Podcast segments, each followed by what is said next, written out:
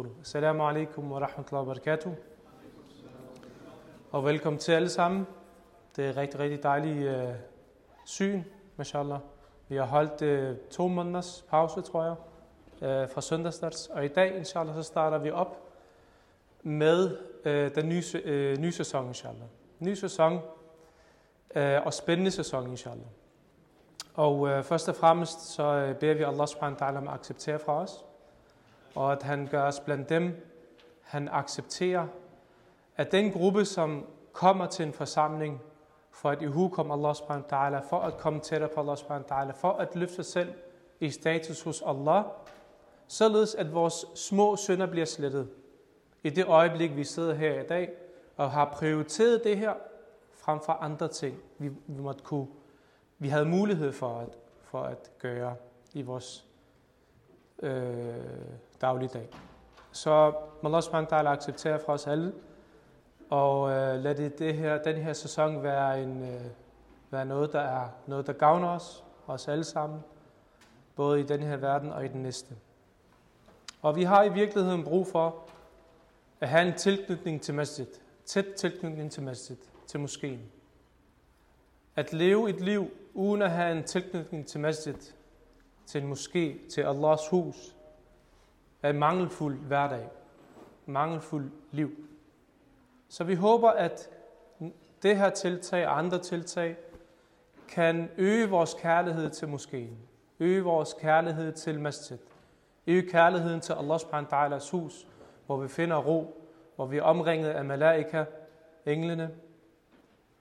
Så det her er inshallah et step, et skridt for os alle sammen, og der kommer inshallah flere. Som I øh, øh, måske har set, så øh, vil den nye sæson lægge ud med emnet øh, hjertets handlinger. Hjertets handlinger. Og øh, det vil vare måske imellem 4 til 6 uger. Og det vil være søndag, som sagt, klokken 3 her i Masjid. Og hvorfor er det, vi, øh, vi, skal, vi vil lægge ud med, med, med det, der er relateret til hjertet? Det, der er relateret til vores indre. Hvorfor er det vigtigt at adressere det? Nogen, der har et bud. Jeg vil helst ikke stå her og bare sige alle mulige ting, og I bare sidder der og nærmest ved at falde i søvn. Så jeg vil også gerne have input fra jer. Okay? Så hvorfor er det, hjertet er vigtigt? Der er mange andre ting, der også er rigtig vigtige, korrekt? Men hvorfor er det, vi som det første prøver at minde os selv om i hjertet. Værsgo, bror.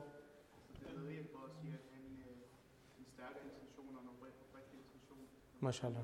Oprigtig intention, stærke intention, og minder os om, ja, rigtig godt. Usama? Jeg siger, hvis hjertet er godt, så er resten godt. Mashallah. Hvis hjertet er dårligt, så er resten dårligt. Og Korrekt. Der er sygdomme i dag i samfundet, som der rammer vores hjerte. Mm. Zakla khair.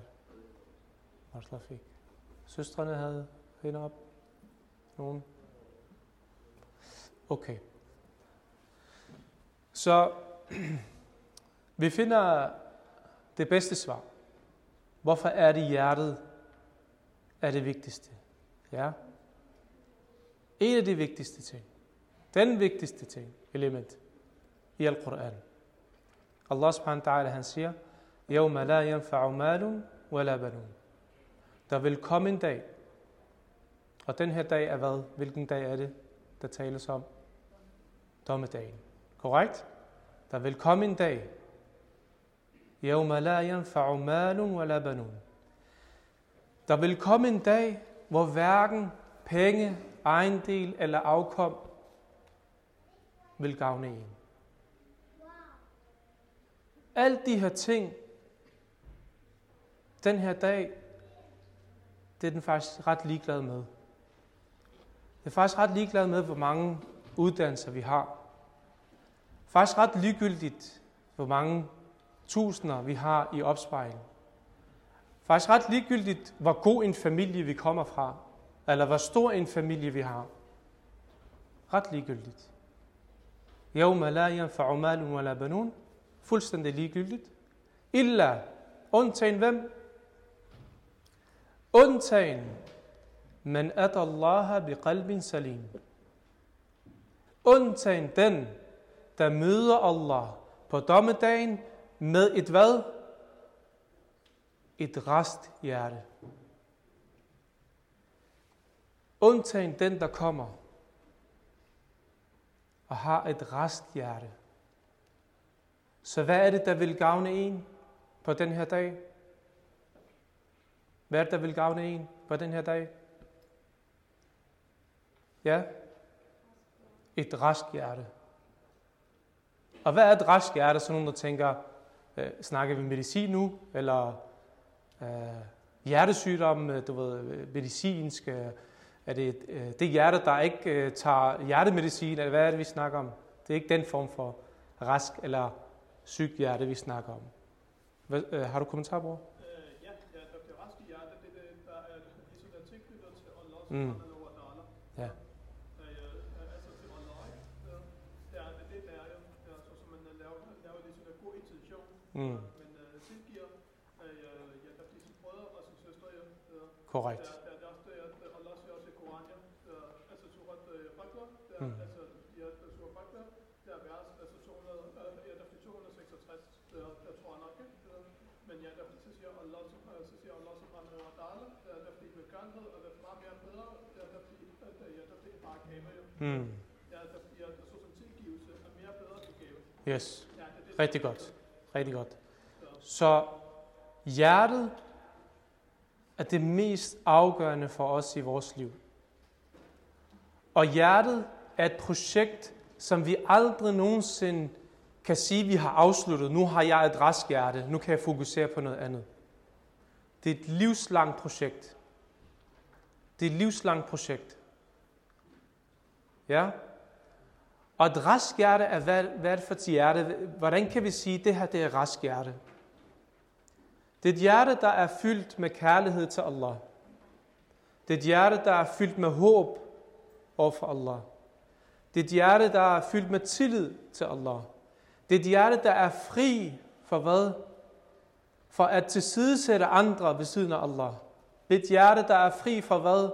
For at lave eller ønske at lave synder. Fordi vi alle sammen begår nogle fejl gennem vores liv.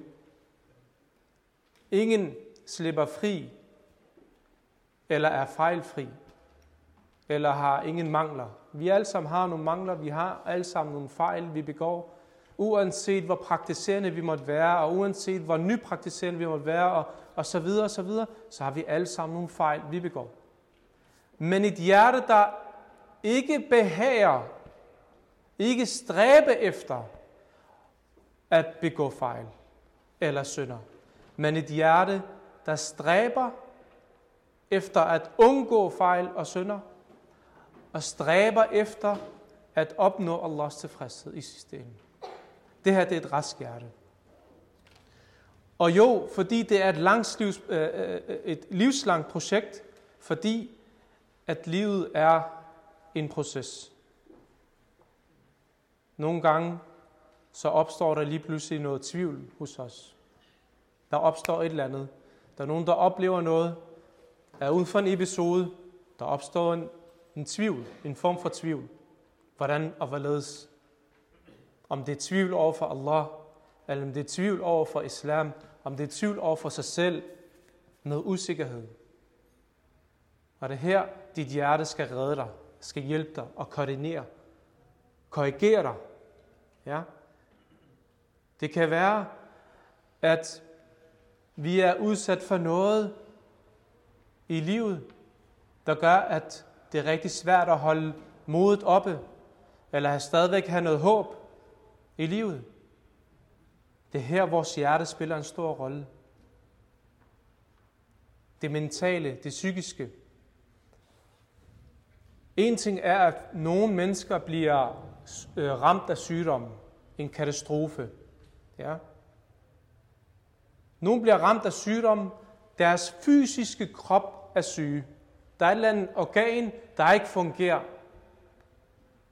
Ja, der er et eller andet i kroppen, ikke, øh, ikke fungerer, som den skal.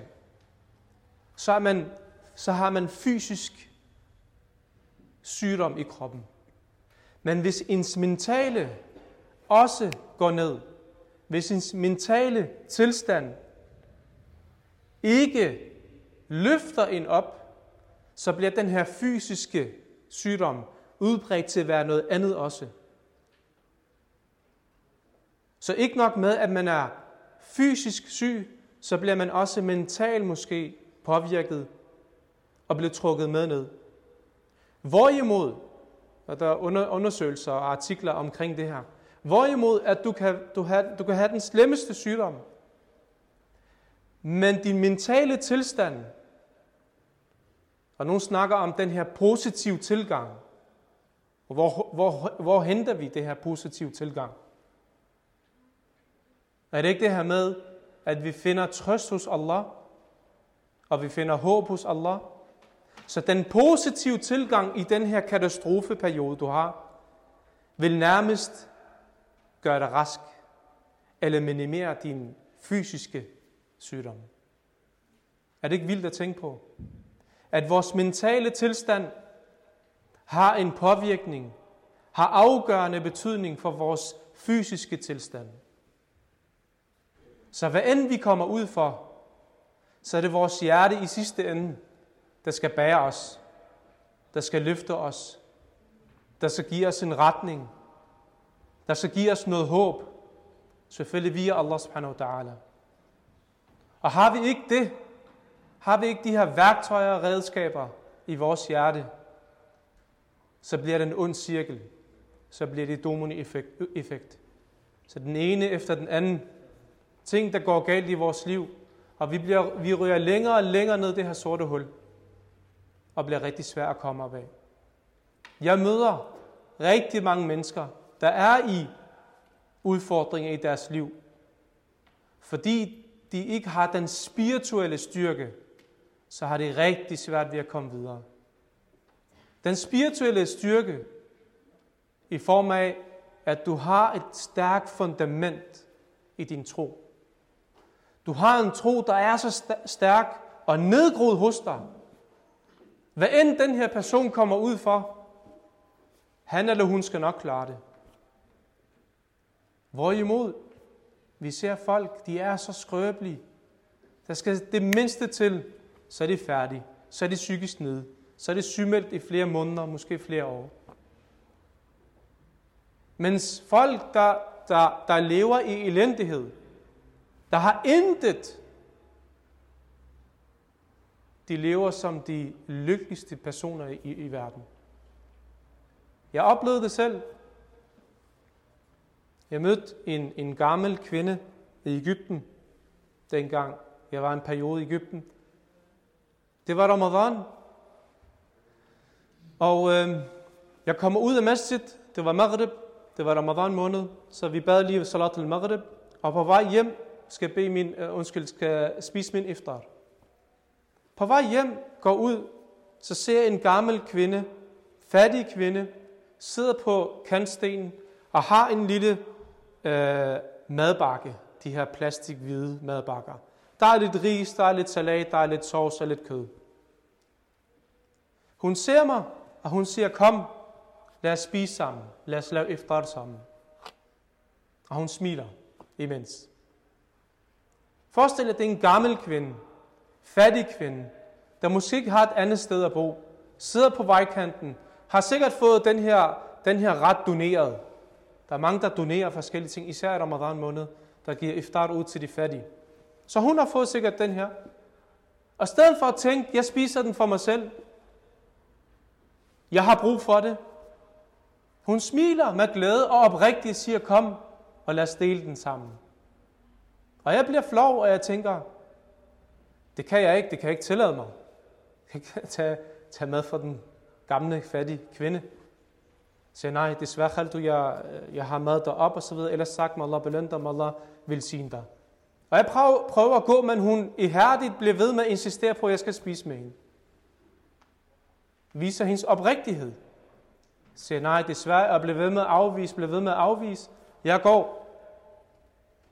Og jeg bemærker, at der er nogle andre, to unge drenge, der også kommer forbi. Hun spørger dem også.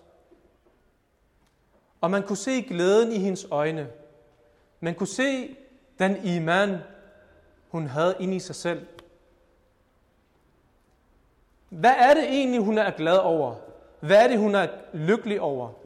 Hun har ikke ret meget. Så hvad er det, hun er lykkelig og glad over? Hvad er det, der får hende til at tænke på andre end sig selv?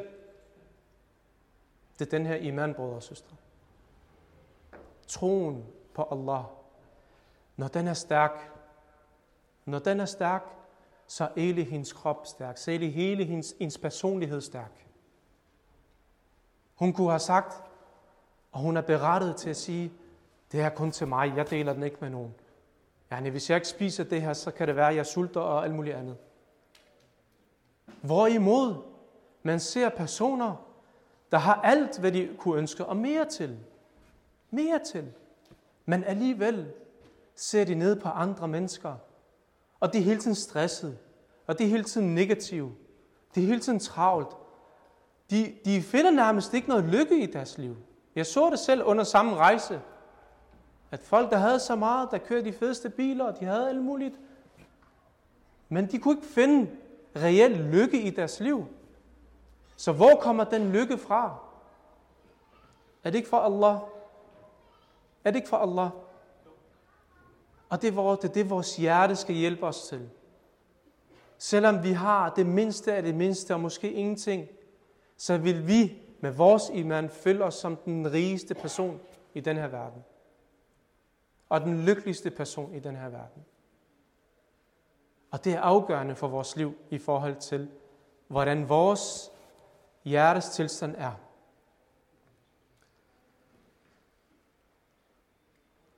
Og igen, vi falder i rigtig mange fælder i dag.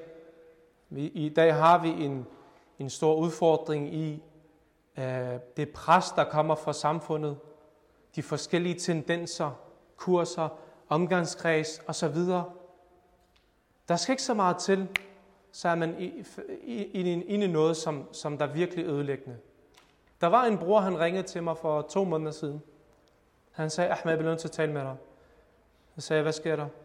Så siger han, jeg er lykkelig gift, alhamdulillah. Jeg har været gift i tre år. Jeg elsker min kone, hun elsker mig.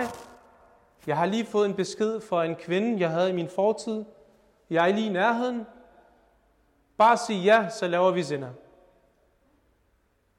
Og han siger, ja. Min hjerne siger, nej, selvfølgelig skal jeg ikke. Jeg, jeg er lykkelig gift, jeg ved det er haram, det er ikke tilladt, jeg ved det er ødelæggende, jeg ved det ødelægger mit ægteskab. Men mine følelser, min, mit hjerte siger, jeg, jeg, jeg gerne vil siger bror, øh, bror, du ved godt, hvad der er rigtigt og forkert. Og vi snakkede om det. Men forestil jer, han skulle bare skrive en besked. Han skulle bare skrive en besked, så var han, så var han i gang med at lave det, som han ville lave. Han skulle bare skrive en besked. Så alle de her fælder omkring os er, er meget klare og tydelige. Er lige til, det er meget nemt. Og det er sådan desværre samfundet er bygget op, og det er sådan vores liv er i det her samfund. Hvad gør, at vi skal beskytte os selv fra det her? Hvad gør, at vi siger fra? Vi har nogle lyster, vi gerne, virkelig gerne vil handle på. Men hvad gør vi? Hvad holder os fra det? Hvis den her person ikke havde iman og ikke havde Allah tæt på sig, han vil ikke tænke sig om to gange, tre gange. Han har bare skrevet en besked med det samme. Ja. Og bagefter fortrudt det. Efter ægteskabet er ødelagt. Efter han samvittighed er ved at dræbe ham. At man tænker sig om en ekstra gang. Eller sige, nu er det for sent. Så vi har brug for at styrke os selv. Vi har brug for at styrke vores hjerter. Og vi har brug for en ændring i os selv. Alle sammen, uden undtagelse. Og Hurairah, han, han nævner, øh, som Osama han nævnte, at hjertet, hjertet er kongen. Vores hjerte, det er kongen. Ja. Når vi siger kongen, hvad betyder det? Når nogen er en konge, hvad betyder det?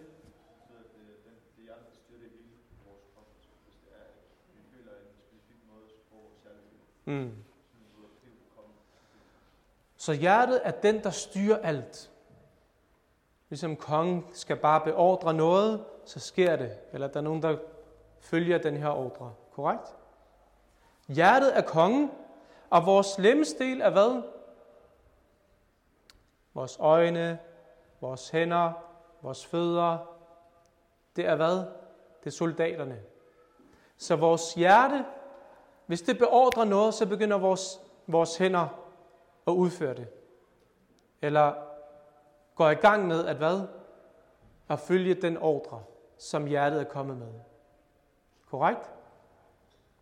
Så hvis kongen er god, så vores konge, hvis den her konge er god og retskaften, retfærdig, ja, tæt på Allah, så vil de her gode handlinger, noble handlinger og prioriteringer i livet komme til udtryk via vores lemmestel. Ja? Men omvendt, vores, hvis vores hjerte er korrupt, hvis den her konge er korrupt, hvis den, det her hjerte er, er langt væk fra Allah, kender ikke til livets prioriteringer, kender ikke, kan ikke skille mellem rigtigt og forkert, så kommer vores slemmestele, de her soldater, til at handle på noget, der er uret, på noget, der er ødelæggende, på noget, som der er langt væk fra Allah subhanahu wa ta'alas rammer og værdier. Ja? Så hjertet er kongen. Og profeten sallallahu alaihi wasallam, han siger, sandelig er der lemmestel øh, i vores krop. Ja? Hvis det, det her lemmestel er retskaften og god og velfungerende, så vil resten af vores krop være velfungerende og god. Hvad er det profeten så, selvom han refererer til her? Så der er noget i vores krop, hvis det er raskt, og hvis det er retskaffen, og hvis, det er, hvis den er god, så er resten hele kroppen god. Det ligger op af det samme, som Abu Hurairah han nævner, den her ledsager. Hjertet, korrekt. Så sandelig, profeten så som sandelig, at hjertet er hvad? Hvis det er rest, og hvis, og hvis dens tilstand er godt, og hvis den er på rette spor, og hvis det her hjerte er tæt på Allah, så er resten af kroppen tæt på Allah. Og resten af kroppen vil også have det godt. Så vores øjne vil aldrig nogensinde kigge væk fra noget, der er haram, hvis vores hjerte ikke er rask. Korrekt? Vi vil aldrig nogensinde, vi vil aldrig nogensinde udføre vores salat, hvis vores hjerte ikke er rest. Vi vil aldrig nogensinde have tålmodighed og stræbe efter at faste hele Ramadan måned, hvis vores hjerte ikke er rest. Så hvordan kan vi forvente at gøre de her gode ting, hvis vores hjerte er, er korrupt, og vores hjerte er langt væk fra Allah? Så hvis vi stræber efter at løfte vores hjerte, og gøre det her hjerte rask, så vil løfte hele vores krop, og vores liv vil ændre sig. Så derfor vores hjerte skal forbindes til Allah. Vores hjerte skal, skal, skal fyldes med, med kærlighed, underkastelse, håb og tillid til Allah subhanahu wa ta'ala. Så for hver sekund, der går, slår vores hjerte. Nogle hjerter slår hurtigere end andre. Men på et tidspunkt, så slår vores hjerte. På et tidspunkt, så stopper vores hjerte. Korrekt? Er der nogle hjerter, der ikke stopper? Men så har vi haft noget tid i den her verden, så længe vores hjerte slår, og så længe vores hjerte er levende, så har vi noget tid i den her verden. For hvad? For at udrette noget. For at optjene nogle point. Korrekt? Tiden går, dagene går, ugerne går, månederne går, årene går. Men den ændring, vi snakker om, brødre og søstre, vi altid snakker om, og det kan være islamisk, det kan være noget andet. Det kan være, der er nogen, der siger, nu skal jeg på kur. Jeg skal, jeg skal tabe mig 10 kilo. Det er et ønske, man har.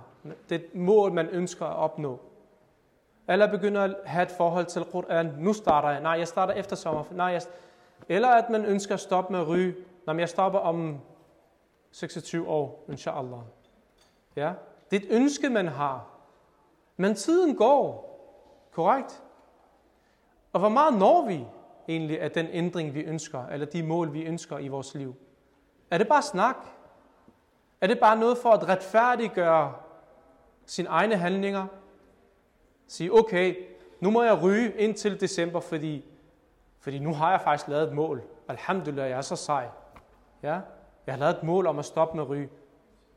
Det er ligesom nærmest en sådan, nu ryger jeg, fordi jeg skal jo stoppe snart. At man retfærdiggør den, den dårlige handling, man gør i mellemtiden. Og 99 procent af os, der siger, at vi starter efter sommerferien, vi, vi starter ikke. Det bliver rykket igen. Det er sådan noget, det bliver udskudt på ubestemt tid. Ja? Og Allah han giver os påmindelser efter påmindelser til at begynde at prioritere vores liv. Prioritere de rigtige ting i livet. At prøve at give os en forståelse af, at livet blot er en midlertidig periode. Men vi er opslugt af livet. Vi er opslugt af alt det, der foregår omkring os. Vi kan nærmest ikke få nok. Ja? Så vi tager her og der og der, prioriterer lidt forskelligt, men glemmer virkeligheden, hvad der er vigtigt i livet at fokusere på. Lad mig give et eksempel. Jeg var til en janaza for nogle år siden. En rigtig god bror. Han gik bort i en ung alder. Mange af hans venner var kommet til janaza.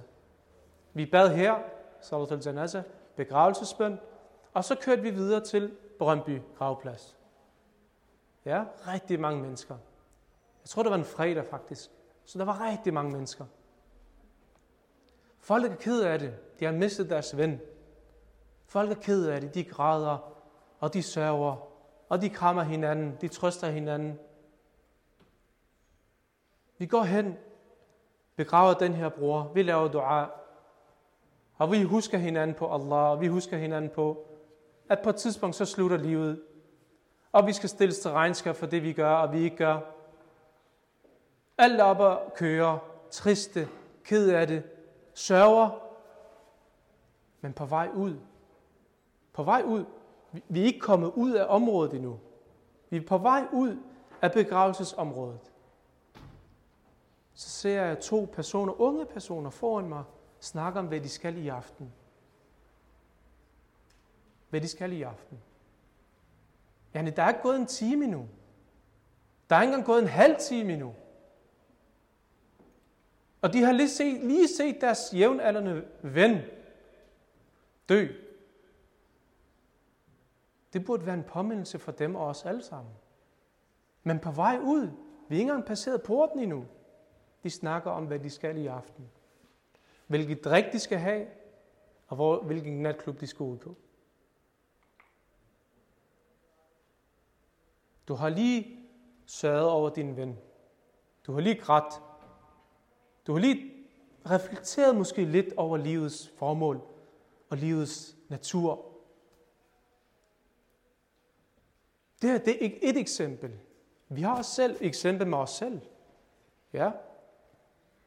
Hvor mange gange bliver vi ikke påmindet, påmindet om at prioritere og prøve at lade os stræbe lidt, efter, lidt ekstra. Lad os gøre lidt ekstra. Lad os gøre, prøve det her. Lad os prøve i forhold til Koran, i forhold til salat.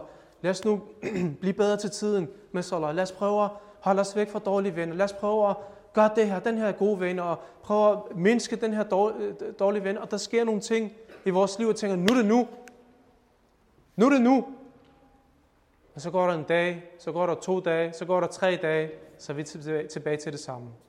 Folk, der, der kommer efter Hajj, der kommer efter Umrah, de er helt op at køre, og de er så visionære, og de er så, øh, øh, hvad kan man sige, motiveret. Efter en uge, to uger, tre uger, en måned, så er det tilbage til det samme. Ja. Vi burde tænke over de her hændelser i vores liv. Vi burde tage de her påmindelser efter påmindelser seriøst. Og ja, det er naturligt, at vi nogle gange glemmer, at vi nogle gange kommer på andre tanker. Men hvem har vi til at løfte os? Hvem har vi til at øh, beholde os på et vist niveau? Ja, iman stiger og falder. Men hvor meget må den falde? Hvor meget skal den falde? Hvor meget kan vi tillade, at vores iman falder? Har vi maksimum niveau? Øh, der er inshallah ikke noget maksimum, men har vi minimumskrav? Har vi sikkerhedsnet? At vi ikke ryger ned under det? Er det ikke et ansvar, vi har på os selv? Jo, det er et ansvar, vi skal tage seriøst. Og hvis vi ændrer vores indre, vores hjerte, så hele umma, hele vores ummas tilstand vil ændre sig. Hele vores ummas tilstand vil ændre sig, hvis vi blot starter med os selv, ændrer vores indre. Og vi prioriterer de vigtige værdier i livet. Godt. Det var sådan lidt en introduktion i forhold til vigtigheden af hjertet, og der kommer en pause om ikke så længe, inshallah. Men her er nogle af de øh, emner, vi kan komme ind på her øh, i, øh, i den her serie, inshallah. Så der er noget ikhlas. Nogen, der ved, hvad ikhlas er? Ikhlas. Uh, Anas. Oprigtighed, korrekt. Der er noget tawakkul. Hvad er tawakkul? Nogen, der ved? At have tawakkul på Allah. Ja, have lid til Allah subhanahu wa ta'ala. Der er noget taknemmelighed. Nogen, der ved, hvad taknemmelighed er? Nej. Talmodighed. Ja. Tilfredshed. At ridre. At være tilfreds med det, Allah har givet dig. Hmm? Frygt. Håb. Kærlighed. Taqwa. Vi kunne snakke om også tauba. Det er også en indre handling. Ja. At man angrer. At man søger tilgivelse. Det er også en indre handling.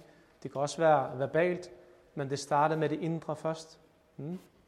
Så der er forskellige emner, vi kan tage. Det kan være, at vi tager øh, et emne hver, men det kan også være, at vi laver to, to emner per, per, per uge, inshallah. Det må vi lige kigge på. Godt. Men i dag, inshallah, så starter vi med ikhlas. Og ikhlas er det vigtigste, den vigtigste handling af hjertets handlinger. Der er ikke noget, der er mere vigtigt end ikhlas. Der er ikke noget mere vigtigt, end det at være oprigtig over for Allah subhanahu wa ta'ala. Den her, den, er, den her handling er så afgørende, at med din intention, at du enten ender i Jannah eller i Jahannam. Den er afgørende for din destination. Og det kommer vi ind på lidt senere, inshallah. Wa ta'ala han nævner surat al-Bayyinah, وَمَا أُمِرُوا إِلَّا لِيَعْبُدُ اللَّهُ مُخْلَصِينَ لَهُ الدِّينَ حُنَفَاء وَيُقِيمُ الصَّلَاةَ وَيُؤْتُ الزَّكَاةَ وَذَلِكَ الدِّينُ الْقَيِّمَ De blev kun pålagt at tjene Allah, bekende sig til ham alene, som oprigtigt hengivende, altså med ikhlas. At, og at opretholde bøn og betale zakat, det er den rette religion. Det, det er den rette religion. Allah subhanahu wa ta'ala, han nævner her, at I er blevet pålagt, vi skæbninger, Allahs tjener, er hvad er blevet pålagt at udføre ting med oprigtighed. At hengive os til Allah subhanahu wa ta'ala på en oprigtig måde. I alle vores handlinger. Og det berettes også af Umar ibn Khattab, han nævner, at profeten sallallahu alaihi wasallam sagde, Innama al-a'malu bin niyat. Sandelig, sandelig handlingerne belønnes i forhold til intentionerne. Og, og, og sandelig øh, og sandelig enhver vil få ud fra, hvad han hun intenderede. Så enhver handling er der en intention bag. Er der en handling, som der ikke er en intention bag? Der er altid en hensigt, korrekt? Der er altid en, en bagtanke med en handling. Og den handling og den tanke plus handling bliver belønnet fra, ud fra hvad? Ud fra din intention. Vi skal nok komme med nogle eksempler. Okay? Er det til at øh, give det mening? Så enhver vil få, ud, vil, enhver vil få belønning ud fra ens intention. Fordi enhver handling har en intention, har et hensigt. Så det er op til os, om vi har en god hensigt, en nobel hensigt, en god intention, eller vi har en dårlig, og det kan også være en neutral en, det kommer vi ind på.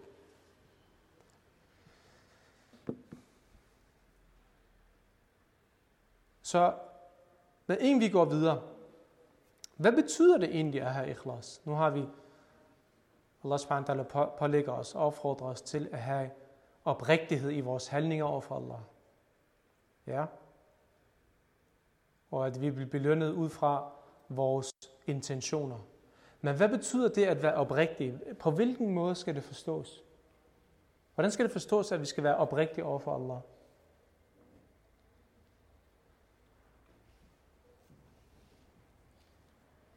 Ja. Er det ikke det at tilbyde Allah? At Allah? Allah,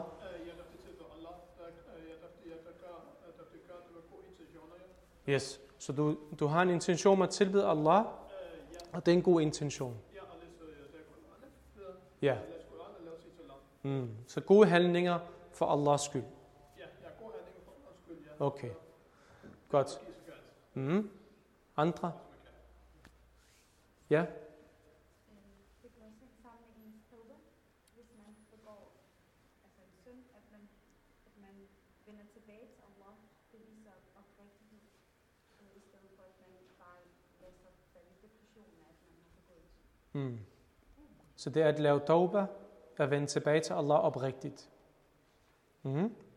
Så, så det I siger, det er, at man udfører, om det er salat, om det er Quran, om det er tauba, eller hvad end det er i livet, at man gør det for Allahs skyld. Og man gør det for at få Allahs belønning, eller Allahs tilfredshed. Så hvis en person kom ind her, og skal lave sin salat, ikke også? Og så er der nogle andre, der kigger på. Så vedkommende begynder at være opmærksom på, at der er nogen, der kigger på. Og begynder hvad? At gøre sin salat endnu smukkere og endnu bedre. Er der et problem i det? Ja. At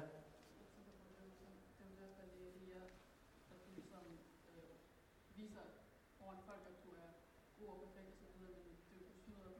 så du hvad du er. Mm. Selvom Fordi ja. Så det at vise andre. Så personen kom, blev bevidst om, der er nogen, der kigger, og siger til sig selv, nu skal jeg gøre min salat endnu god, endnu bedre, eller rigtig god, fordi andre kigger. Kan I se forskellen?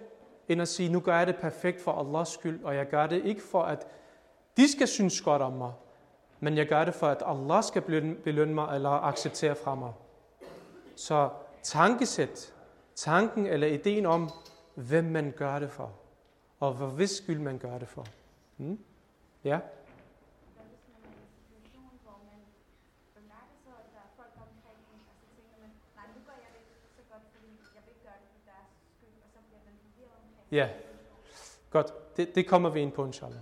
Det kommer vi på. Og vi har en øh, uh, spørgsmål-svar-session øh, lidt senere, øh, uh, som man kan få, men det er et rigtig godt spørgsmål.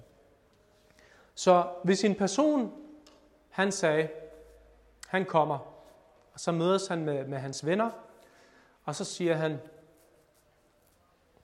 og så, hvordan går det, bror? Har du godt? Alhamdulillah, jeg har det godt. Hvad med dig? Jo. Og så venter han på at blive spurgt om noget. Han venter på at blive spurgt om, hvad han lavede i går, eller hvorfor han ser træt ud, eller sådan, han har lidt røde øjne. Men han bliver ikke spurgt. Så han siger, hey bror, spørg mig lige, hvad jeg lavede i går. Spørg mig lige. Så tænker de, okay, vi spørger ham, okay, hvad lavede du i går? Jeg stod op hele natten og bad. Ja. Og det er derfor, jeg er træt i dag. Så det startede med måske at have en god intention. Personen stod op hele natten, ikke en, eller anden, en time eller en halv time, og lavede frivillige salat inden fajr. Ja, det er en god ting. Det er en nobel handling. Så det startede med en god ting. Startede med, fordi når man står op om natten typisk, der er ikke nogen, der ser en, der er ikke nogen, der er andre vågne, man er alene med Allah subhanahu wa ta'ala. Men det ender hen og bliver hvad? Bliver dårligt, fordi vedkommende fortæller. Fordi lige pludselig nu, jeg vil gerne fortælle, sådan så, at de skal sige, mashallah, var han god, eller var han sej, og var han bare god til at, de her ting. Så lige pludselig bliver ens tanke måske også Øh, ødelagt eller korrupt senere hen. Så det handler også om, i situationen, hvem man gør det for, men også at hvad? At skjule de her gode handlinger, som skal skjules. Ja, der er selvfølgelig nogle ting, gode handlinger, man ikke kan skjule. Sådan, jeg skal komme til Jum'ah her. Øh, jeg finder lige et sted, jeg gemmer mig. Du ved, der er ikke nogen, der skal se mig, fordi jeg gør det kun for Allahs skyld. Det kan man ikke. Ja. Fælles bøn. Ja, nej, men der er nogle ting, Allah har, har, har, har sagt, vi skal gøre i fællesskab. Så du kan ikke undgå at så sige, okay, der er ingen, der skal se mig, eller muligt andet. Men i sidste ende, så vender det tilbage til hvad? Til vores hjerte, til vores hjerne, i forhold til, hvad vi intenderer, og hvordan vi håndterer det her. Og det igen, og det er derfor, at det er den sværeste ting at, at, at, at udføre. Der er flere ulema, der siger, at det her med intentioner hele tiden konstant og justere, og hvor påpasselig er det sværeste, i, i, har været, der har været i sværeste i vores liv. Sofian Thauri og andre store lærte, store lærte, forestil jer det, de siger, det sværeste vi har kæmpet med, det er at have en god intention. Det er noget, der du hele tiden kæmper med. Godt. Så det at have ikhlas, have oprigtighed, det er, at når du udfører en handling, der udelukkende er for Allahs skyld, og ingen andre. Okay? Hvis man gør det, hvis man gør det, hvad vil der så ske? Hvad er, hvad er frugterne? Hvad er resultatet af, at man gør det? Hvad tænker I, øh, at der er så til gengæld for en? Osama? Du styrker dit hjerte, korrekt? Mm. Hvad ellers? Dit forhold til Allah? Mm. Ja? Succes i livet? Mm. Ja? Hendes handlinger bliver accepteret, korrekt? Så fordi, hvis man ikke havde oprigtige intentioner, og man lavede en handling, vil det så blive accepteret? Ikke rigtigt. Og det er derfor, vi siger, det kan være, at der er nogle mennesker omkring dig, du ser. De laver mange flere handlinger, end du gør. Rigtig mange handlinger, end du gør. Men du kan stadigvæk være hvad? Øver, øh, det øverste lag af Jannah, eller i hvert fald højere end vedkommende, selvom vedkommende har lavet flere handlinger end dig. Hvad er det, der afgør, om du kommer højere eller lavere? Dit hjerte, intentionen, din oprigtighed. Ja? Der er også nogen, vi kommer eksempler med, folk, der har offret sig for islams skyld, men de kommer i jahannam. Så vi kommer ind på det, inshallah. Godt. Det første er selvfølgelig accept af hendes handlinger. Ikhlas for, at vores handlinger skal accepteres. Hvis vi laver vores fem daglige bønder, kan vi sige med 100% sikkerhed, at de her handlinger er blevet accepteret, og jeg vil få belønning? Kan vi med 100% sige, at de er accepteret? Ja eller nej? Okay, afstemning. Ja, vi er i Danmark, det er snart valg, og så vi, vi øver os lige lidt. Så hvem af jer tænker, at øh, vi kan godt med 100% sikkerhed sige, at de er accepteret? Vi kan i hvert fald skelne mellem. Okay, med 100% sikkerhed. Med 100... Okay, det var ikke så mange. Hvem siger, at man ikke kan? Række hånden op.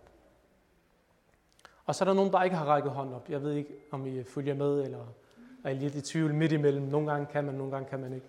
Okay. Så i sidste ende, så ved vi aldrig, det kan være, der er nogle tegn, der kan være nogle ting, men i sidste ende 100%, vi vil aldrig nogensinde kunne sige, at den her handling, jeg gjorde, er 100% accepteret. Vi kan aldrig nogensinde. Og det kan være, at nogle af vores salawat, vi laver hele vores liv, det kan være 10% er accepteret. Det kan være 5% er accepteret. Og i sidste ende, vi indtræder Jannah. Hvorfor? På grund af hvad? Anas? Allahs barmhjertighed. Ikke om, at vores handling er 100% accepteret, eller 90% accepteret. Vi indtræder Jannah på grund af Allahs barmhjertighed, og ikke andet. Og den barmhjertighed kommer selvfølgelig til udtryk til dem, som stræber og forsøger at gøre deres bedste. Så man kan ikke sidde tilbage og sige, jeg gør ikke noget, jeg håber på Allahs barmhjertighed. Jo, vi er forpligtet til at gøre noget, og så resten op til Allah. Resten op til, at Allah subhanahu wa ta'ala, han omfavner dig med hans barmhjertighed. Okay? Så det første er, at vores handlinger bliver accepteret. Profeten sallam, han nævner, sandelig Allah accepterer ikke en handling, undtagen den er udelukkende for ham alene, og at man søgte hans ansigt. Liwajhillah, det vil sige øh, belønning, øh, Allah subhanahu wa ta'alas belønning. Og selvfølgelig, når man får accepteret sin handling, så følger der også hvad?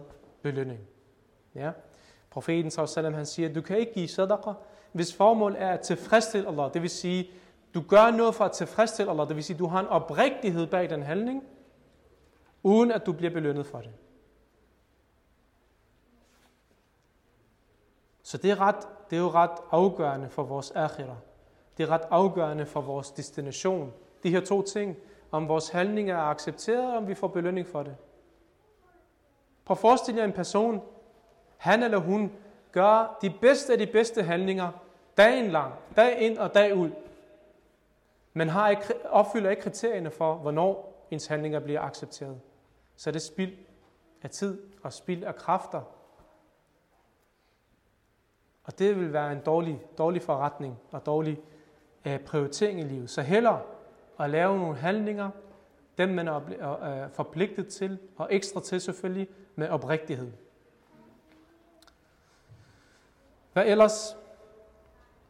Ja, i forhold til det her med, hvor afgørende ens intention er. Abdullah bin Barak, rahimallah, øh, en, en tidligere meget, meget velkendt lært, han sagde, det kan være, en lille handling bliver til en kæmpe handling på grund af ens nier, ens intention. Og det kan være, en kæmpe handling bliver til en lille handling på grund af ens nier. Hvordan skal det forstås?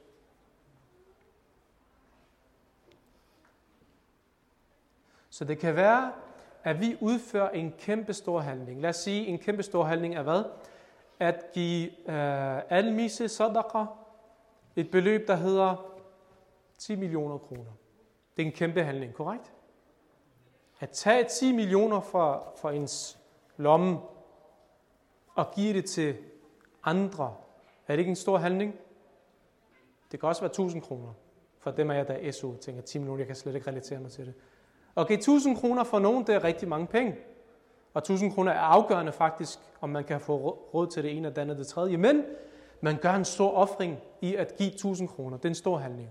Korrekt? For nogen. 1000 kroner.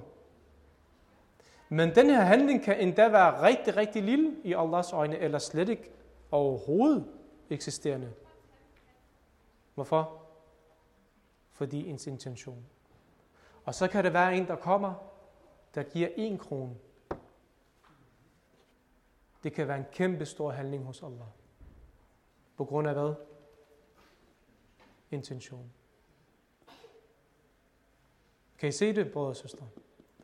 Så det er ikke spørgsmål om størrelsen af, af handlingerne, eller mængden af handlingerne.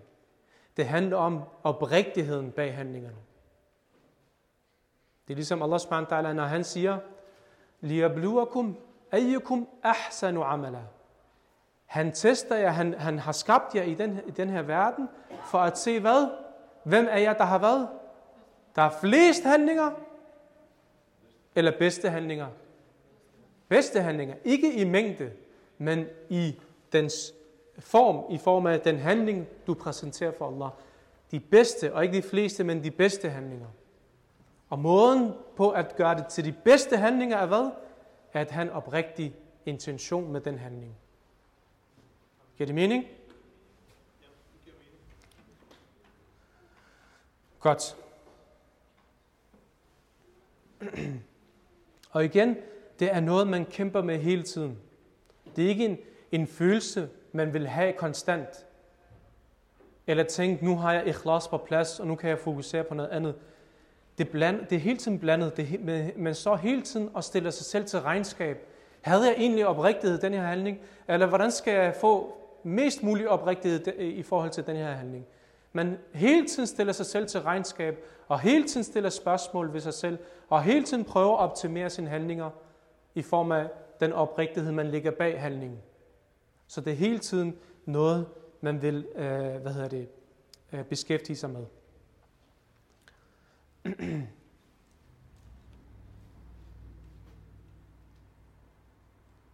Zubayd øh, øh, al-Yami, han, han nævner en, en tidligere uh, lært, han nævner, jeg elsker at have intention ved hver handling, selv når jeg skal spise og drikke. Hvad betyder det? Han elsker at, have, at lave en god intention ved hver eneste handling, han gør sig i livet. Selv når han skal spise og drikke. Hvad betyder det? Ja? Alle handlinger kan være en tilbedelse. Så kan man få belønning for at drikke og spise? Hvordan? Ja?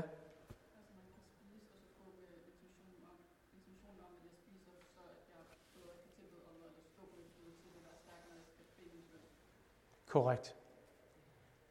Så man kan altid lave en god intention ved hver eneste handling, ved hver eneste episode i vores liv, ved hver eneste skridt, vi tager i livet, så kan vi lave en intention. Og det gør hvad? Allah fra Allah subhanahu barmhjertighed, at vi kan gøre hele vores liv til hvad?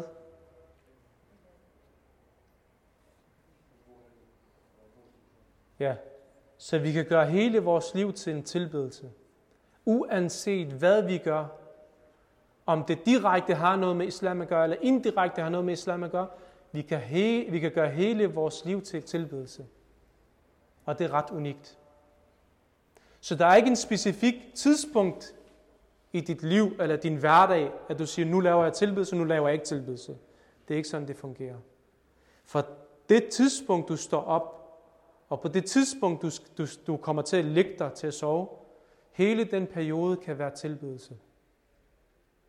Det at tage på arbejde kan være tilbedelse. Det at træne kan være tilbedelse. Det at være god over for sine forældre kan, kan være tilbedelse. Det at spise kan være tilbedelse. Det at sove kan være tilbedelse. Det at gå i skole eller på studiet at kan være tilbedelse. Afhængig af hvad?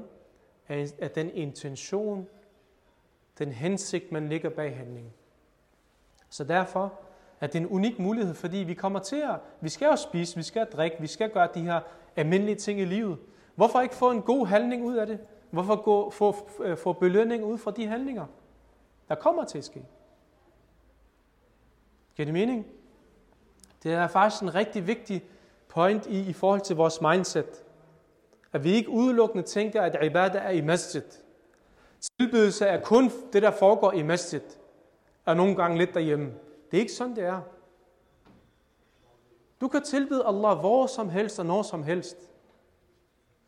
Blot ved at bare strejfe en tanke og have en god intention bag eneste, hver eneste handling. Mere skal der ikke til.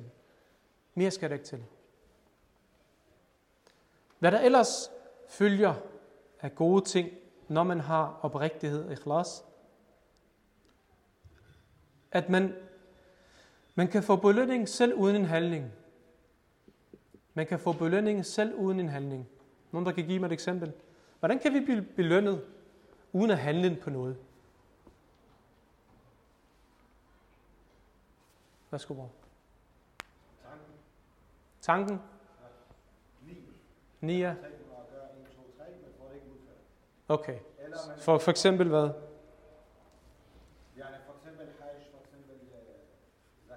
Ja. Så man laver intention. Eksempelvis, øh, jeg vil gerne give 1000 kroner næste måned i sadaqa. Almisse til de fattige. Så dukker der noget op. Din økonomi bliver rigtig stram, du har ikke mulighed alligevel, men du havde intenderet. Så Allah vil belønne dig for hvad? Du får det ikke gjort, men du har intention. Så du vil blive belønnet ud fra din intention. På forestil jer, at vi har, en, selvfølgelig, hvis vi ikke går rundt og snyder os selv, ja, Allah han ved, hvad der er i vores hjerter. Men hvis vi oprigtigt tænker, nu skal jeg give 1000 kroner næste måned, og det så ikke kan ske på grund af nogle forskellige ting, der opstår noget uforventet. Allah vil belønne dig, som om du har givet 1000 kroner. En person, der siger, fra nu og 10 år frem, så har jeg memoreret hele Qur'an. Men personen får det ikke gjort. Man stræber og gør, forsøger at gøre sit. Personen får det ikke gjort, går bort, Allah vil belønne vedkommende, som om at han har eller hun har memoreret hele Qur'an. Er det ikke vildt? Men det er klart, Allah ved, hvad, hvad der er i vores hjerter, så vi kan ikke påstå noget, ah, nu snyder jeg lige, jeg snyder Allah. Jeg gør lige sådan her, og så siger jeg sådan, Allah ved, hvad der er, du har i dit hjerte. Ja, du snyder kun dig selv. Du snyder kun dig selv. Var der en hånd? Okay. Så man vil blive belønnet selv uden en, en, en, øh, en handling. Så længe man har en intention, og man oprigtigt ønskede noget, det skete så ikke, han har ikke mulighed for det alligevel, så vil man blive belønnet for det. Nummer 4, at man selvfølgelig blive, vil blive reddet fra helvedesilden. Igen, vi sagde, at ikhlas er den handling, der afgør, om du ender i Jannah eller Jahannam. Og så er det faktisk ligegyldigt, hvad du har handlet på, teknisk set. Men så længe du har haft oprigtighed, så vil Allah med hans barmhjertighed, fordi han har set, at du har forsøgt, at du har virkelig kæmpet, og du har gjort dit bedste. Igen, ikke i mængden af handlinger, men at du har gjort dit bedste. Så vil han inshallah omfavne dig og os med hans barmhjertighed, og vi kommer i Jannah. Omvendt, vi kan, det kan være, at vi har lavet rigtig mange store mængder af handlinger, til sydlandene gode handlinger, men vores hjerte måske ikke har været så godt, haft det så godt, haft en dårlig intention, har forsøgt at bevise sig selv over for andre, eller gjort det for andres skyld, man vil komme i Jahannam. Et godt eksempel er, at profeten sallam, han nævner de tre, de tre kategorier af mennesker, der kommer først i Jahannam. Allah subhanahu wa ta'ala beskytter os fra det. Tre typer af personer, som de første, der indtræder helvedesilden.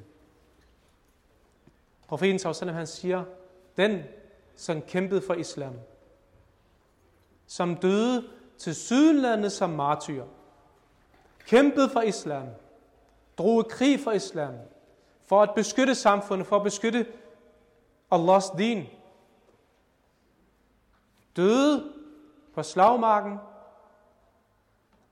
så når regnskabet kommer, og han vil blive spurgt, hvorfor kæmpede du for Allahs skyld? Hvorfor kæmpede du de her kampe? Han vil sige, jeg gjorde det for din skyld, ja Allah. Jeg gjorde det for din skyld, så du kunne være tilfreds med mig. Hans, Allah vil sige hvad? Du er en løgner. Du gjorde det, fordi Allah han ved, hvad vi har i os. Han er tættere på os end vores blodår. Du gjorde det for, at folk skal sige, at du er modig og du er stærk. Det var din intention bag den her noble handling i virkeligheden. Så han vil blive smidt i helvedesinden. Prøv at forestille jer en person, der drog krig for Allahs skyld, offrede alt, offrede sit eget liv. Men fordi intention ikke var på plads, fordi intention var korrupt, så vil han blive smidt i helvedesilden. Han gjorde det ikke for Allahs skyld. Så er der en anden, en person, der har søgt viden og har tilegnet sig viden og øh, fortalt andre og gør sådan her og gør sådan her, vejledt andre, rådgivet andre, fortalt om islam til andre, studeret rigtig mange år for at få en masse viden om islam, så det kan spredes ud, ud til andre. Han vil blive stillet til regnskab, og han vil blive spurgt, hvorfor søgte du viden, og hvorfor var du med til at vejlede folk og hjælpe folk og støtte folk. Han siger, jeg gjorde det for dig, ja Allah. Jeg gjorde det for din skyld, så du kunne være tilfreds med mig. Han siger, du løg. Du lyver. Du gjorde det for, at folk skulle lovprise dig. Du gjorde det for, at folk skulle snakke godt om dig og rose dig. Og han vil blive smidt i helvede sine. Og den tredje, den person, som giver almisse, giver til højre, til venstre, støtter det her projekt, nødhjælp her, nødhjælp der, de nød, øh, øh, dem, der er fattige her, og så videre til projekter og mennesker, alt muligt giver til højre og venstre. Og han vil blive spurgt, hvorfor spenderede du så mange penge? Så jeg gjorde det for din skyld, ja Allah. Jeg gjorde det sådan så, at du kunne være tilfreds med mig. Allah vil sige, du lyver. Kadabt. Du lyver. Du gjorde det for, at folk skulle sige, at du er gavmild, at du er en god person. Hvad? For at andre synes, skal, skal synes godt om den her person. Så personen, inderste ønske, intention var hvad? At andre skulle synes godt om vedkommende. Og andre skulle øh, øh, øh, øh, værdsætte ham eller hende, eller løfte eller øh, øh, vedkommende til et eller andet vis niveau eller stadie hos folk. Og ikke Allah. Så vedkommende vil blive kastet i helvedesilen. Skræmmende beretning, brødre og søstre. De her mennesker, det, det, det er dem, vi ser. Folk, der søger viden, dem, der giver øh, sadaqa, dem, der øh, øh, øh, gør de her ting for Allahs skyld.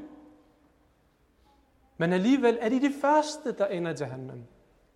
Ikke munafiqin, ikke kuffar, ikke Pia Kærskov. Ja, det er de her, som levede et islamisk liv. Det er skræmmende. Det, det skal få os til at kigge indad og sige, hvordan har mit hjerte det? Vil jeg være blandt dem, der faktisk levede et islamisk liv, og gjorde, at jeg, jeg, jeg forsøgte at afholde mig fra det her, for at gøre det her, men i sidste ende måske vil være taberen. Så har jeg både tabt den her verden og i den næste verden. Kan vi tillade os? Kan vi tillade os at være blandt dem, der både taber den her verden og den næste verden? På grund af, at vi ikke reflekteret og kigget indad. At tabe den her verden er ingenting, det er lige meget. Det skal vi nok komme over.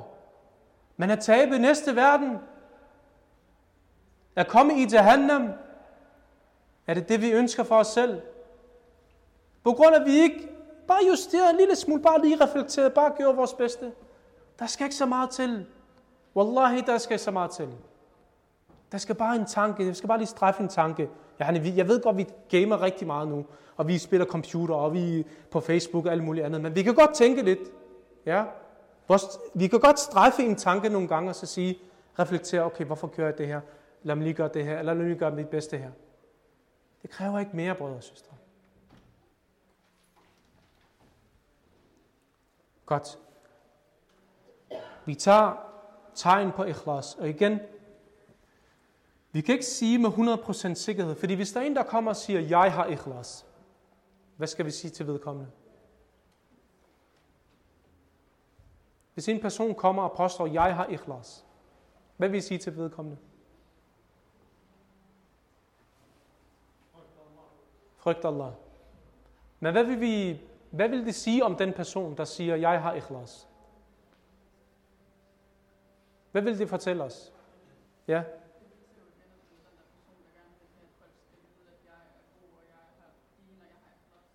Som mangel på oprigtighed.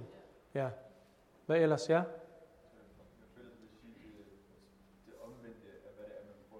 Korrekt. Det er omvendt. Rigtig flot. Det er omvendt, hvad han siger, fordi vedkommende har ikke ikhlas, når han siger, påstår, at jeg har ikhlas. Det er ligesom det der... Øh, der er nogen, der kommenterer på noget. Nå ja, det siger sådan her. Øh, det er ikke for at spille smart eller noget, men men det er det faktisk. Det er ikke for at spille klog, men... Og så fortæller man et eller andet. Jo, men det er det faktisk. Du, du siger, at du ikke vil, men du gør det alligevel. Ja? Så når en person kommer og siger, jeg har ikhlas, jeg har oprigtighed, personen har ikke oprigtighed. Personen har ikke forstået, hvad oprigtighed er. Personen, den person, der faktisk oprigtigt har oprigtighed, ikhlas i sit hjerte, vil faktisk være hele tiden i tvivl om, vedkommende har ikhlas.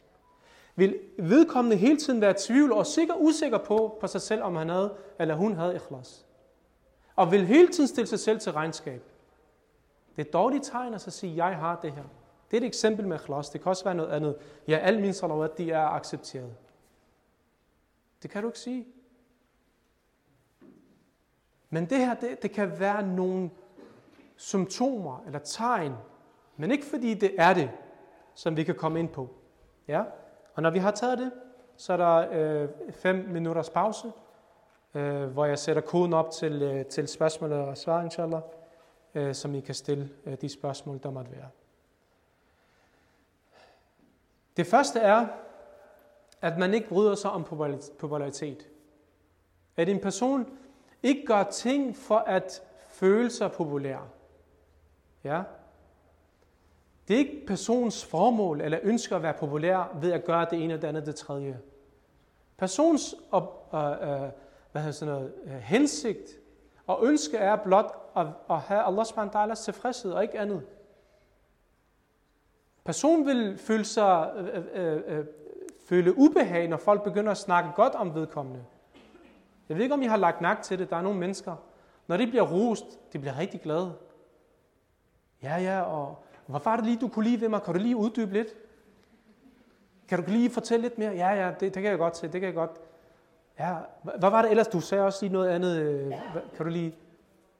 Personen elsker at, at, at høre godt om sig selv. Der er ikke noget galt i det. Det er en menneskelig natur, at vi, at vi ønsker noget anerkendelse, at vi ønsker noget ros og så videre. Men i sidste ende, så ønsker vi ikke anerkendelse og, og ros og så videre på bekostning af Allah subhanahu wa ta'ala. Vi gør tingene ikke for, for, for folks skyld, så vi kan være gode i andres øjne. Vi gør det for, at vi kan være gode i Allah subhanahu wa ta'alas øjne. Det er det samme her. Og noget andet i forhold til, hvor går grænsen til at gøre noget godt, men stadig vise det? Så for eksempel, lad os sige, øh, en person kommer, og så siger han eller hun, jeg har læst den her bog, jeg synes, I skal læse den. Den er rigtig god. Hvordan kan vi tolke den her udtalelse? Har ved, kan vedkommende have ikhlas? Eller øh, har vedkommende behov for at vise sig selv? Det er show off. Hvordan kan vi tolke det her?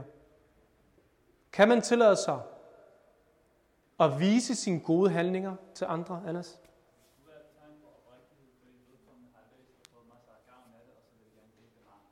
Gerne vil dele det med andre. Okay. Det kan være tegn på oprigtighed. Mm. Andre? Ja? Det kommer også an på intentionen bag. Korrekt. Kan god. Korrekt. Så den her udtalelse kan gå begge veje, korrekt? Så personen siger det, scenarie 1, det er, nu siger jeg det her, sådan, så folk skal rose mig, anerkende mig for, at jeg har læst det her, eller har fordybet mig med det her, eller muligt andet. Mashallah, han har sådan, eller hun har sådan. Den ene scenarie. Ikke? Den anden er, jeg er faktisk ligeglad med deres rosen. Jeg, jeg fortæller dem bare, jeg vil bare gerne sprede den her gode, det her gode budskab, og fortælle faktisk, at der er noget godt her at hente. Og, og, og gavne andre. Kan I se forskellen med de to intentioner? Kan I se det? Så alt efter hvilken intention det er, så kan man godt vise sin gode handling, så længe man har en god intention bag den. Så det hele vender altid tilbage til ens intention. At man bekymrer sig om arbejde for islam, eller i hvert fald har en bekymring for islams tilstand, og muslimernes tilstand, og muslimernes samfund. At man ikke er optaget med sig selv udelukkende, og man har en him, at man har en, en iver, og man har et ønske om, at islam trives, og muslimerne trives, og muslimernes tilstand er godt, og forsøger at hjælpe til og gavne det, og vedkommende kan.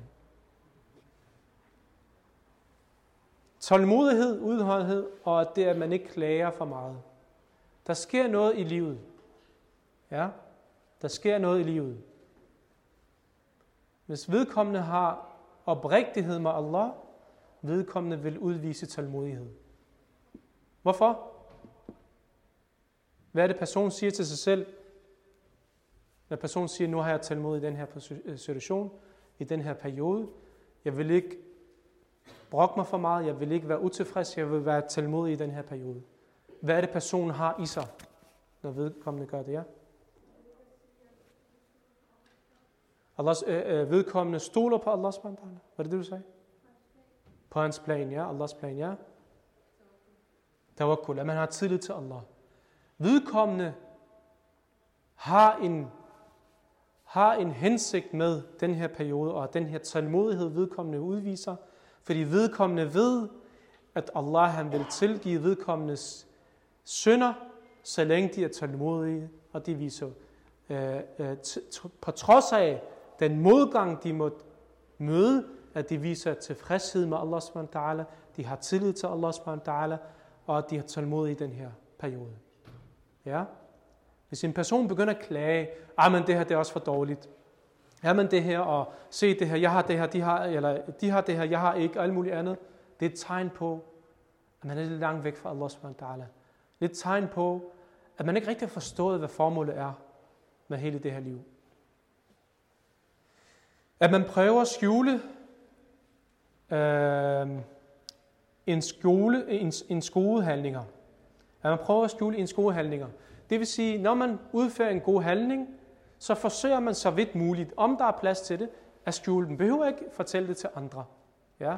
Behøver ikke sige, nu skal du, øh, hey, bror, øh, du ved godt, jeg har lige doneret 1000 kroner. Bare, bare til din information, bare så du ved det. Behøver ikke. Du har lige... Ja, hvorfor har du behov for at sige til andre, hvad du har gjort? Lad det ligge. Lad det være mellem dig og Allah.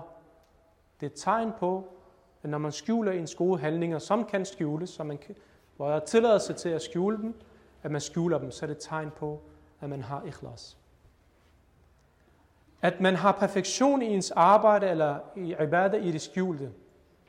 Oftest, når vi er sammen med andre mennesker, så forsøger vi at fremstille os selv som værende god.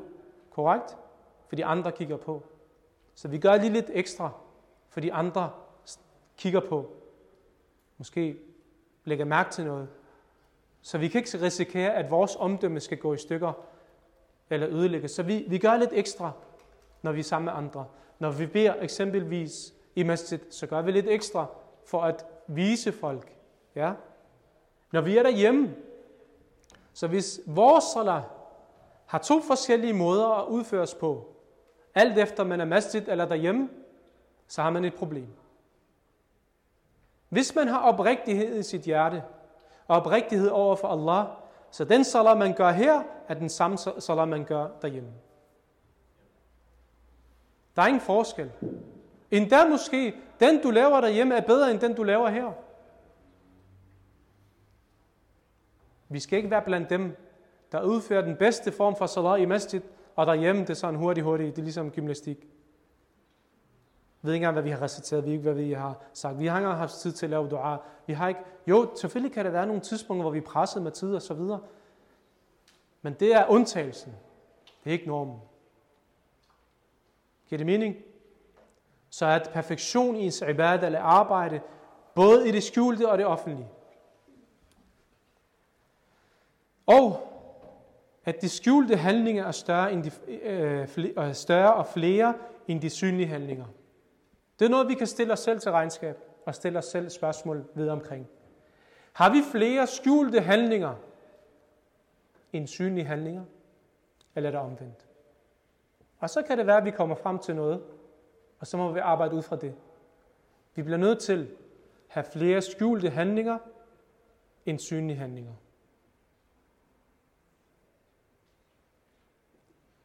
Der er brødre og søstre i, i, i vores samfund, og jeg nævner ikke nogen navne. Men når du, når du har set dem på et tidspunkt, og så har du tænkt, mashallah, hvor de bare, hvor de bare kører ud af. De laver det ene og det andet, og de gør det her, og så har de foredrag det, og så snakker de med det her, og så gør de det her, og så har de det her projekt. Efter noget tid, lige pludselig, så falder de fra. Så begynder de at ændre deres livsstil. Begynd at få tatoveringer. Begynd at prioritere anderledes i deres liv. Begynd at komme længere og længere væk fra masjid. Begynd at gøre nogle ting i deres liv, hvor man tænker, det kan ikke være rigtigt. Det er ikke den person, jeg kender for et år siden. Men hvad er det, der er problemet her med de her typer mennesker? Hvordan kan det være, at de her personer lige pludselig skifter personlighed, og lige pludselig øh, øh, øh ændrer deres prioritering i livet? Hvad er det, der sker?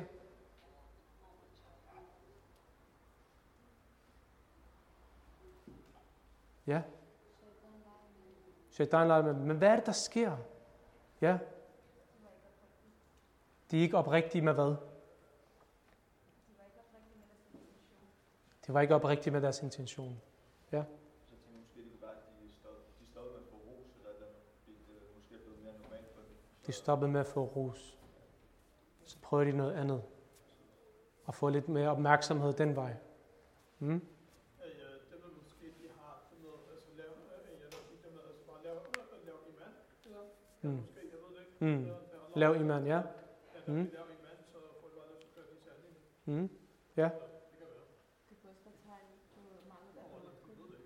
Mangel på tawakkul, tillid til Allah. Okay, der kan være rigtig mange årsager. Men det jeg er næsten sikker på, det er hvad? Som jeg også nævner her. Deres forhold til Allah, det sker i det offentlige rum. Det sker i det ydre fasong. Der er ikke forhold til Allah i det skjulte.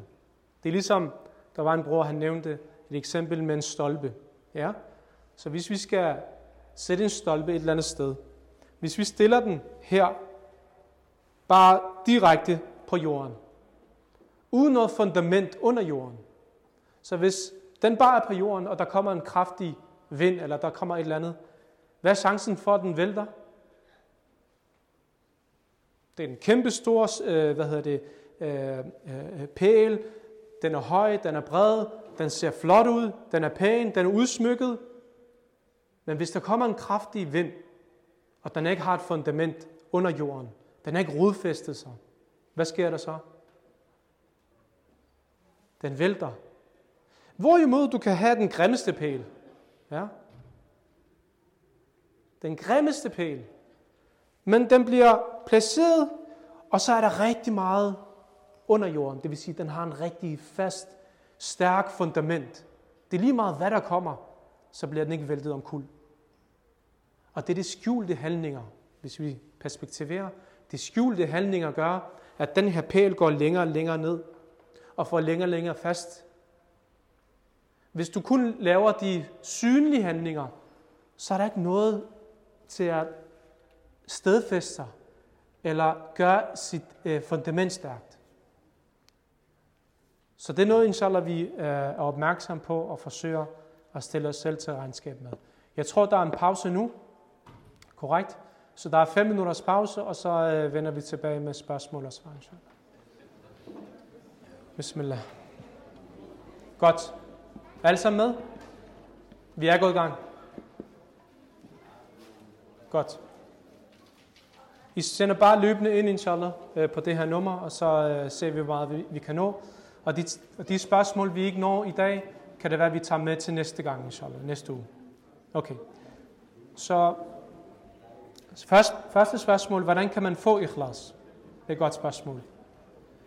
Og noget af det, som jeg altid plejer at anbefale, hvis man gerne vil opbygge den her relation og det her, den her oprigtighed over for Allah, så, forsøg, så skal man forsøge at øge sine gode handlinger i det skjulte.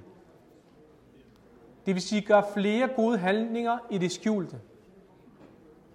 Stå op om natten en halv time før fajr, eller 10, 10 minutter før fajr, og frivillig, øh, eller frivillig uh, øh, rakat. To enheder, fire enheder, seks enheder. Hvor meget man nu har mulighed for. Når du giver til almisse, til de, øh, dem, der er i nød, eller forskellige projekter for Allah subhanahu ta'ala skyld, forsøg at holde det til dig selv. Forsøg at øge den øh, aktivitet af den, den, det, det usynlige, eller det skjulte handlinger mellem dig og Allah. Hele tiden forsøg at øge det. Og som vi sagde, gør det, at dine skjulte handlinger er flere og mere og større end de synlige handlinger. Og selvfølgelig, at man bliver bevidst om, hvem er det, man har med at gøre. Og konsekvenserne af mangel på ikhlas. Den viden og den bevidsthed omkring, hvor vigtig og afgørende ikhlas er, at det skubber en hen imod at forsøge at, at få sin ikhlas. Det hele, det er ens mentalitet, det er ens mindset, der i virkeligheden, der skal ændres eller skal arbejdes på. Det er noget, man har i sit indre. Så igen, vende sig til at lave flere skjulte handlinger end de synlige, og at forsøge at gøre dig selv aktivt selv mere bevidst om øh, konceptet af øh, ikhlas.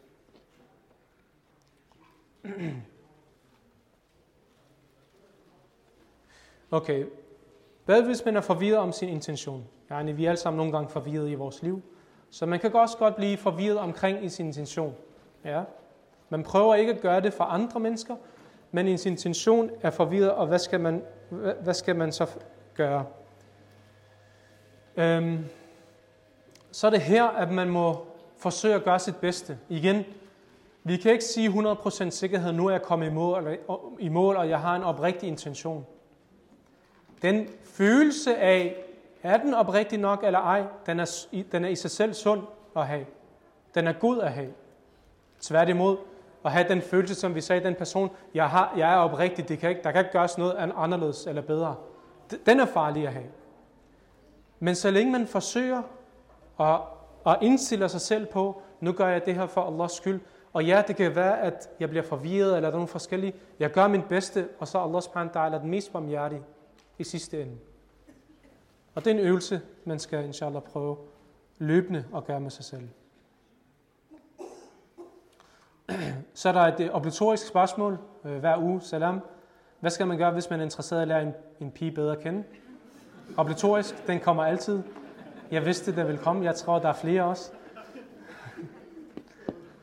Ja, jeg ved ikke, hvad mener du med bedre at kende? På hvilken måde? Der er forskellige måder. Øh, er det ægteskab? Er det, jeg ved ikke, hvad det er. Men øh, jeg tror, der menes i forhold til ægteskab, så ganske kort. Øh, det er, at man forsøger at bruge sit netværk i forhold til at tage fat i de rette personer, øh, og snakke med de rette personer omkring den her person, og eventuelt tage fat i øh, hendes wali, hendes værve, eller et eller andet, der kan øh, være en indgangsvinkel i forhold til det her, og så kan man have en proces. Og det er meget detaljeret, hvordan processen kan optimeres og gøres bedre, og hvad man skal passe på. Så det er et emne, emne for sig selv. Det kan være, inshallah, vi kommer ind på det på et tidspunkt. Hvilket råd vil du give for at starte den gode intention, der inshallah vil acceptere sig Allah? Det er selvfølgelig igen at være bevidst om, hvorfor man gør den her handling. Sig til sig selv, hvorfor gør jeg det her? Hvorfor kommer jeg til dette i dag? Hver søndag klokken 3. Hvorfor kommer jeg her? Er det fordi, at jeg har mine veninder og venner, der gør, så gør jeg også? Eller gør jeg det fordi, at løfte mig selv og opgradere mig selv og komme tættere på Allah? Så igen, at selv, selv spørgsmål om, hvorfor man gør tingene, så vil det være meget klart og tydeligt, om man har en god intention eller mindre god intention. Jeg kan ikke nå det hele, der er over 30 spørgsmål, og vi har 6 minutter.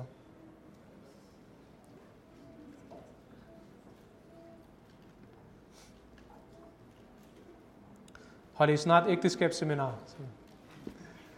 Inshallah, der kommer noget faktisk øh, senere på året, om øh, øh, to dages kursus for ikke-gifte mennesker. Ja? Så, så to dages kursus for dem, som ikke er gift endnu, i forhold til forberedelse og proces og så videre. Så det kommer der lidt mere om, inshallah, om ikke så længe.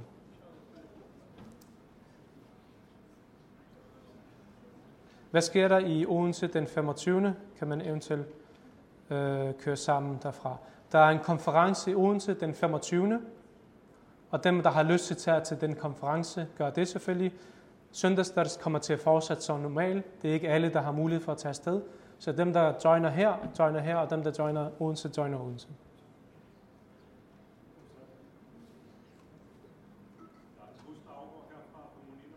Det er rigtigt. Godt, Næsrup. Øhm, for Munida-medlemmer, muslimsk ungdom i Danmark, deres medlemmer er der øh, arrangeret en bus, der kører herfra, hvor mange er der plads til? 50? Det kommer an på, hvor mange tilmeldinger vi får. Ja. Der 50 tilmeldinger, så alt efter, hvor mange tilmeldinger der kommer, så vil vi tilpasse pladsen, bus, buspladsen til det antal, der kører herfra direkte og tilbage igen om aftenen. Uh, det er til medlemmerne. Og man ikke, hvis man ikke er medlem, så kan man inshallah hurtigt blive det. Der er forskellige øh, vidensudbud, øh, uh, der er. Der er noget Koran, der er nogle forskellige videnskaber. Der er sociale øh, events, både brødre og søstre osv. Der er rigtig mange gode ting at hente, inshallah, hvis man har øh, lyst til at prøve det. Hvad så, hvis man giver sadaqa, fordi man gerne vil hjælpe andre, men at det ikke er for Allahs skyld? Hvordan gør man det for Allahs skyld? Ja, selvfølgelig giver man for at hjælpe andre. Men først og fremmest, så gør man det også for at tilfredsstille Allah subhanahu wa ta'ala. Fordi det at hjælpe Allah, Allah undskyld, at det at hjælpe andre mennesker, er også en vej til at tilfredsstille Allah, at få Allah subhanahu wa ta'alas belønning. Så vi skal tage det i den rigtige rækkefølge. Jeg giver almisse for Allahs skyld, så Allah han kan være tilfreds med mig, fordi Allah han elsker, når man gavner og hjælper andre mennesker. Okay? Så husk at tage den i den rigtige rækkefølge. Det er altid Allah først.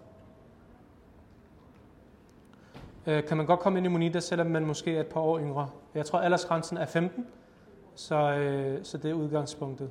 Minimum 15 år. Ville Allah være barmhjertig over for muslimer i dom, på dommedagen? Ja, selvfølgelig. Allah subhanahu wa ta'ala er den mest barmhjertige over for muslimerne og de troende og dem, som der gjorde deres bedste. Men der ligger også et ansvar for os. Så vi kan ikke vente på at sige, jamen Allah skal nok være barmhjertig, uden at gøre en indsats. Fordi Allah vil være barmhjertig for dem, der har gjort en indsats og har forsøgt deres bedste. Og så kan det være, at man har fejlet millioner gange, men fordi man har gjort sit bedste, og man har haft rene intentioner, så vil Allah subhanahu wa ta'ala omfavne en med barmhjertighed, inshallah.